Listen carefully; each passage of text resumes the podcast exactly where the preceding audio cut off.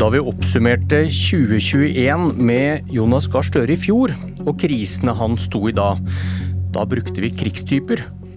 Hva skal vi bruke for å oppsummere 2022, da krigen faktisk kom? Dette året ble verre enn alle hadde forestilt seg. Krig i Europa, alt ble dyrere, og velgerne snudde for alvor ryggen til Jonas Gahr Støre kan være sosialdemokratisk politikk. Ja, Men det er krig i Europa, Kirsti! Det, det, er krig, det er Putin sånn i Europa! Kan... Du kan ikke stå her og si at markedskreftene herjer i Europa. Vladimir Putin herjer i Europa. Statsministerens utblåsning mot SV og Kirsti Bergstø blir lydsporet til Politisk kvarters oppsummering av 2022. Kamp mot Putin, kamp mot markedet. Hvis vi skulle sortert norske partier etter hva de mener om strøm og kraft, hadde det ikke blitt noen rød-grønn og borgerlig side. Krigen laget et nytt politisk landskap, men det er kanskje forbigående. Til å svare på dette og andre spørsmål som kan dukke opp i ditt juleselskap, har vi samlet et klokt panel for å oppsummere året. Hanne Skartveit, politisk redaktør i VG. Berit Olbar, politisk redaktør i Vårt Land. Og med oss fra Porsgrunn, Torbjørn Røe Isaksen, samfunnsredaktør i E24. God morgen og velkommen, alle tre. Tusen takk. Tusen takk. Skartveit først. Eh, hvorfor tror du så mange velgere har forlatt Arbeiderpartiet og Jonas Gahr Støre? Det sammensatte store bakteppet er jo nettopp som du peker på krigen i Ukraina og den påfølgende energikrisen. Og så er det også en regjering som ikke har klart å nå fram til velgerne. Eh, de har ikke framstått som styringspartier. Det er en underlig allianse med Senterpartiet og Arbeiderpartiet, hvor du har på en måte Reformpartiet og Reverseringspartiet som skal styre Norge sammen i en veldig kritisk tid. Det er vel nærmest umulig, i hvert fall fremstår det slik både for velgere og for mange andre. Og så har du skrevet om at Arbeiderpartiet på en måte har forlatt sentrum. På hvilken måte? Arbeiderpartiet er jo veldig opptatt av venstresiden, av Rødt og SV, som har gjort det veldig godt. Både i retorikk når det gjelder privatisering versus offentlig sektor.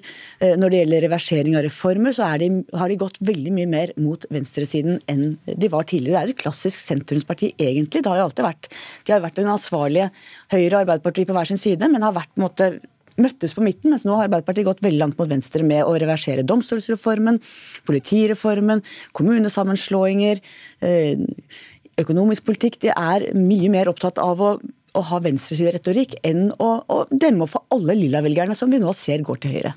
Berit Aalborg, hva er din forklaring? Ja, jeg tror det er, ganske, det er interessant det, det Anne Skartvedt sier. fordi at Det er faktisk veldig mange velgere som har forlatt Arbeiderpartiet og gått til Høyre.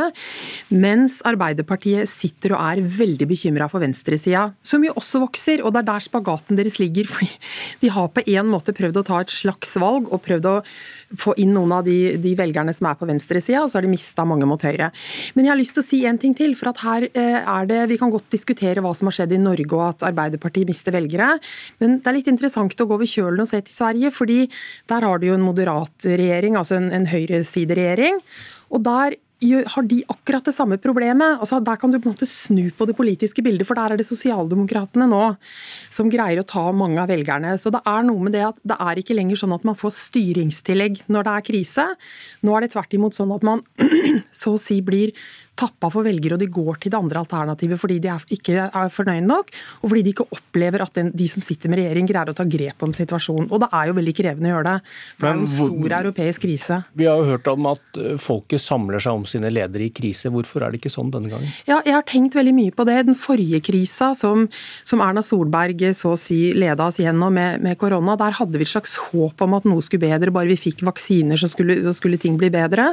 Nå er det en veldig uoversiktlig situasjon strømprisene. Eh, Jonas Gahr Støre var jo her ute om dagen og sa det at vi må belage oss på at det ikke blir bedre. Strømprisene kommer til å bli høyere. Det er så å si ikke et lys i tunnelen. Og det er da man ikke opplever at den sittende regjeringa greier å ta tak i situasjonen. Og så vet vi jo at Erna Solberg også har sagt flere ganger at det ville ikke vært veldig annerledes, men det virker som velgerne på en måte lener seg litt tilbake og ser hva var det vi hadde før, og føler kanskje at hun greide å lede oss tryggere gjennom det, eh, gjennom da den forrige krisa. Hva var det vi hadde før? Torbjørn Røe Isaksen i Porsgrunn, du, du skriver på, på E24 om gnisninger mellom Arbeiderpartiet og LO. Hva har skjedd? Nei, jeg tror vel det, det, får bare være å fylle ut bildet. For det, en av de tingene som kjennetegner regjeringspartiene nå, er jo at alt går gærent, rett og slett. Eh, og de gjør det også etter et budsjett som de var veldig fornøyd med, som hadde en uh, veldig tydelig politisk profil, som svarte på, i hvert fall ifølge regjeringspartiene, den krisa vi står i. Så går det allikevel gærent. Og så har jeg skrevet om én av de tingene, og det er at selv grunnplanken i uh, arbeiderbevegelsen, nemlig forholdet mellom Arbeiderpartiet og LO, preges av en viss sånn, ikke slitasje, men en viss sånn irritasjon på begge sider. Ikke fordi de er uenige om politikk, for det er de i bunn og grunn, så er ikke det store uenigheter der, men fordi at regjeringa som sitter, sliter, som mange ser det, med å kommunisere, forankre og ta eh, fagbevegelsen tilstrekkelig med. Har du noen eksempler på, på dette? Ja, altså det, er, det, er, jo flere eksempler eh, som jeg også nevner, men ett av dem er jo konsesjonsrunde for olje. altså rett og slett man skal eh, Det som kom i budsjettforhandlingene med SV, hvor eh, olje- og energiministeren var ute og sa veldig klart at dette var ikke en del av budsjettforhandlingene. og Så gikk det to dager, og så var det det. Det dødt for resten av perioden. Regjeringen er eh, avhengig av SV for å få flertall for politikken sin. Hvordan har dette samarbeidet fungert? Ja, Det har jo ikke fungert veldig bra. og det, og det, er veldig interessant hvem som nå blir ny SV-leder. for Dersom det blir eh, Kirsti Bergstø, så vil det bli enda vanskeligere. Klart, SV står jo foran et valg nå hvor de velger på en måte den, si, ansvarlige sosialdemokratiske linjen eller den mer ytterliggående venstrelinja. Da blir det enda vanskeligere. Det er jo, SV har jo alle kortene på hånda. Eh, og Det er jo nettopp dilemmaet til Arbeiderpartiet. Og så må én ting til når det gjelder krisa. It's the economy, stupid. Det er jo klassisk i politikken. Det er klart Når det går på lommeboka til folk, så blir det veldig veldig krevende. Selv om du har antagelig Europas beste strømstøtteordning. ikke sant? Du har ordninger, men regjeringa klarer ikke å kommunisere det, og det er lommeboka som gjelder for mange. Hva tenker du om det, Røe Isaksen? At eh, er, er, nordmenn er ikke så vant til krise? Vi har hatt olja, vi har hatt god råd. Eh, reagerer vi kraftigere enn i andre land? Det, jeg, jeg, mener at det, det resonnementet står seg ikke.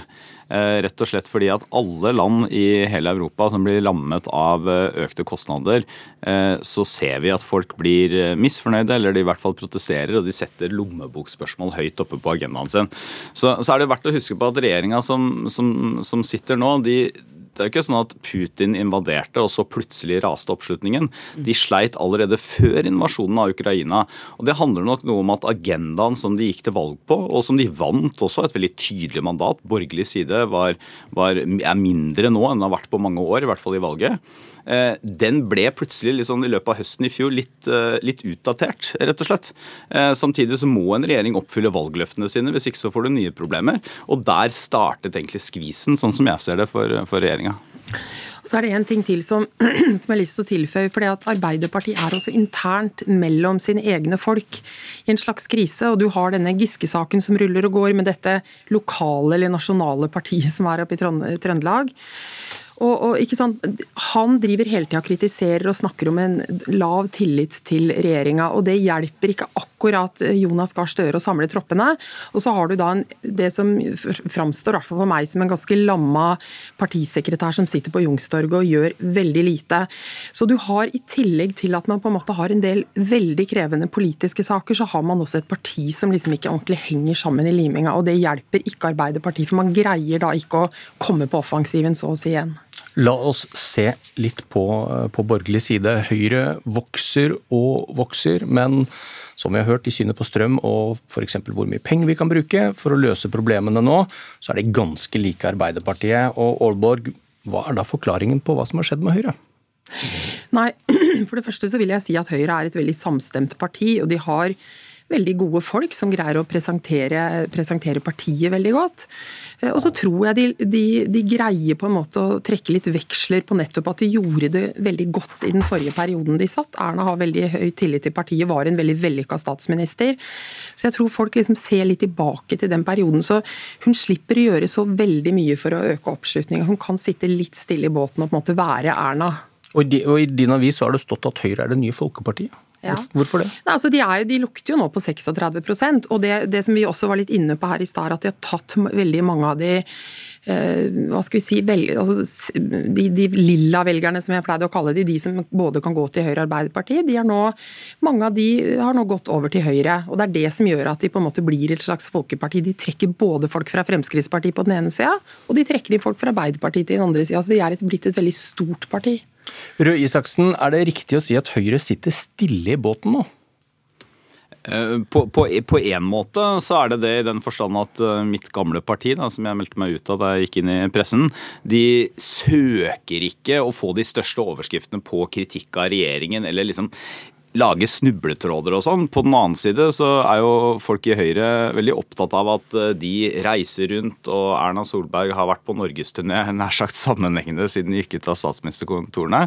Eh, og, og tjener det kanskje også noe på, i hvert fall blant eh, sånne som oss og andre som sitter og kikker på norsk politikk, da, på å svare ærlig på spørsmålet. Ville renta vært lavere? Nei, ikke sikkert.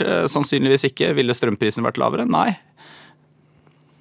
Det er jo interessant at proteststemmen i Norge går til Høyre, som har ganske lik politikk som eh, regjeringen når det gjelder de store, viktige spørsmålene. Og jeg tenker at Det er et godt tegn egentlig, at nordmenn ikke går til ytterpunktene, men nettopp går til det andre ganske like sentrumspartiet. Og så tror jeg man spør seg altså Høyre ok, nå går det veldig bra, men hva er prosjektet til Høyre noe annet enn Prosjekt Erna? Det har jo vært Prosjekt Erna i mange, mange år, og hva skjer den dagen hun blir borte? Men hvorfor vokser ikke Fremskrittspartiet mer, som faktisk har en alternativ til politikk til Jonas Gahr Støre, både når det gjelder hvor mye penger vi nå kan bruke for å løse problemene til folk, og, og ikke minst eh, i kraftdebatten, eh, og hvor mye kraft vi skal eksportere?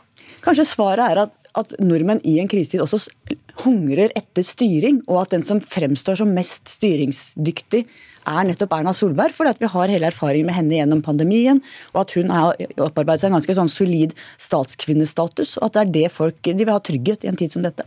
Røe Isaksen, hvordan hadde Erna Solberg og Sylvi Listhaug klart å styre oss gjennom denne krisa? Nei, altså Sannsynligvis så ville det jo ikke, hvis man mener da, at det ikke er noen quick fix og det ikke er noen enkel måte å presse strømprisene ned på når det er full energikrise både i Norge og i Europa, eh, sannsynligvis ikke veldig annerledes. Men jeg tror jo det som blir nevnt om Fremskrittspartiet, jeg er helt enig i at Frp burde jo egentlig ligget høyere, men Frp er jo også inne i en prosess nå hvor de skal etter, etter stortingsvalget og etter riktignok for noen år siden da regjeringsdeltakelsen bredde ut partiet sitt sitt litt. De er, eh, sånn jeg oppfatter det, mer opptatt av det som kommer fremover, altså valget eh, om en stund, enn av å nødvendigvis liksom score høyt på målingene akkurat nå. Eh, så må de gjøre det når de skal bli større, på å hente velgere fra Høyre. Det er nok ikke noe annet alternativ. Så vil jeg også minne om, Hvis vi går litt tilbake i tid før Sylvi Listhaug ble valgt, så var det nok flere av disse liksom, velgerne som ligger inn mot Høyre som ville hatt Ketil Solvik-Olsen. Hun, hun, har mye av en sånn protestprofil, da, som ikke greier å trekke til seg liksom, de som ligger inn mot Høyre og kanskje Arbeiderpartiet. Så det kan nok også være noe av forklaringa.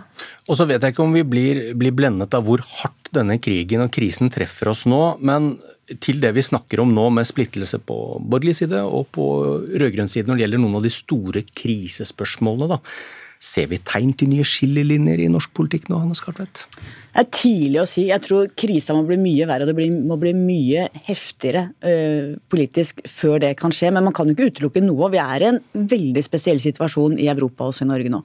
Røe Isaksen, kan vi se danske tilstander i, i Norge også? Eh, danskene holder på helt for seg sjøl og har jo så mange partier at det er vanskelig å holde følge.